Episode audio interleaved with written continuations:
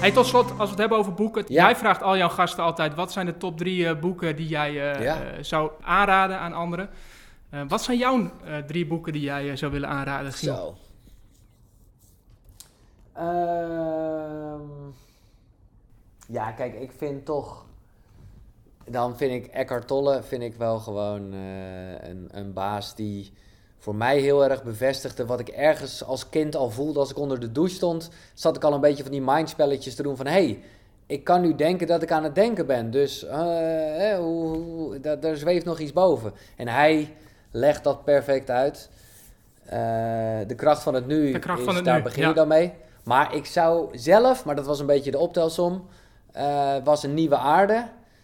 Ja, dat, dat, maar nogmaals, dat, dus ik zou ze eigenlijk alle twee lezen, dat is wat ik zeg. Maar laat ik het als één boek zien. Maar lees ook vooral Nieuwe Aarde. Soms hoor ik mensen alleen maar over de kracht van nu. Dan denk ik, nou ja, bij mij persoonlijk raakte die Nieuwe Aarde nog wel meer.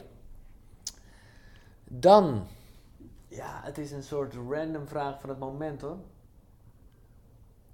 Uh, ja, kijk, als het echt over, jij, je noemde al uh, persoonlijk leiderschap als ik me niet vergis ja, dat is voor mij wel een boek waarmee misschien wel, uh, nou ja, in combinatie met die ontevredenheid, uh, wat een goede drijfveer is, een verlangen naar iets anders.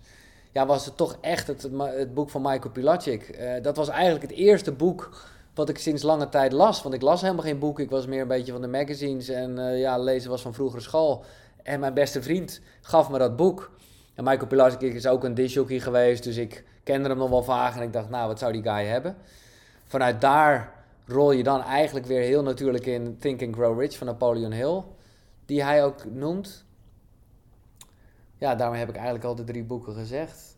Ja. Ja, mooi rijtje. Het, ja, het is wel heel erg classic, classic, maar uh, ja, die Napoleon Hill, waarbij ik nog wel wil zeggen, nou dat geldt misschien niet zozeer voor deze luisteraars en kijkers, maar dat rich, dat kan een beetje het gevoel hebben. Uh, en, en hier en daar heeft het ook wel een beetje in zich alsof het echt gewoon over rijkdom gaat en letterlijk flappen.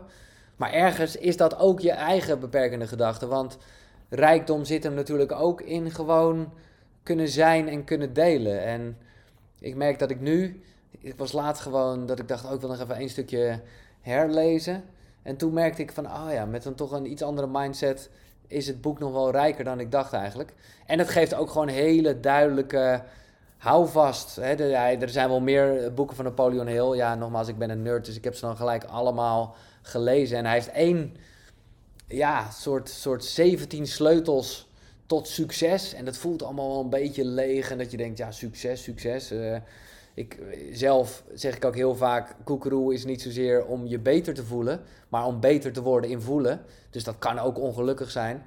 Dus succes voelt dan misschien een beetje als leeg, maar dat is voor mij wel echt, ja, dat ik me daar gewoon aan die dingen nog altijd, uh, nou ja, dat ik wel eventjes toets van oké, ben ik nog bezig met positief denken, met vastomlijnde doelen. Nou, dat is ook een beetje Stephen Covey. Uh, nou ja, zo zijn er een aantal punten. Ja. Super tof. Nou ja, en het zijn Ja. niet voor niets klassiekers. Dus daar, uh, Nee, daar, dat daar is zit, het. eh, de- dat, Dat dat, is het. dat heeft een reden. Eh, en Ja. wat je zegt, ja, succes. Volgens mij gaat het heel sterk om je eigen definitie daaraan te kunnen geven. En, eh, en rijkdom gaat ook om een rijke leven. Dus eh, mooi, dank voor deze boekentips, eh, Giel. Oké dan.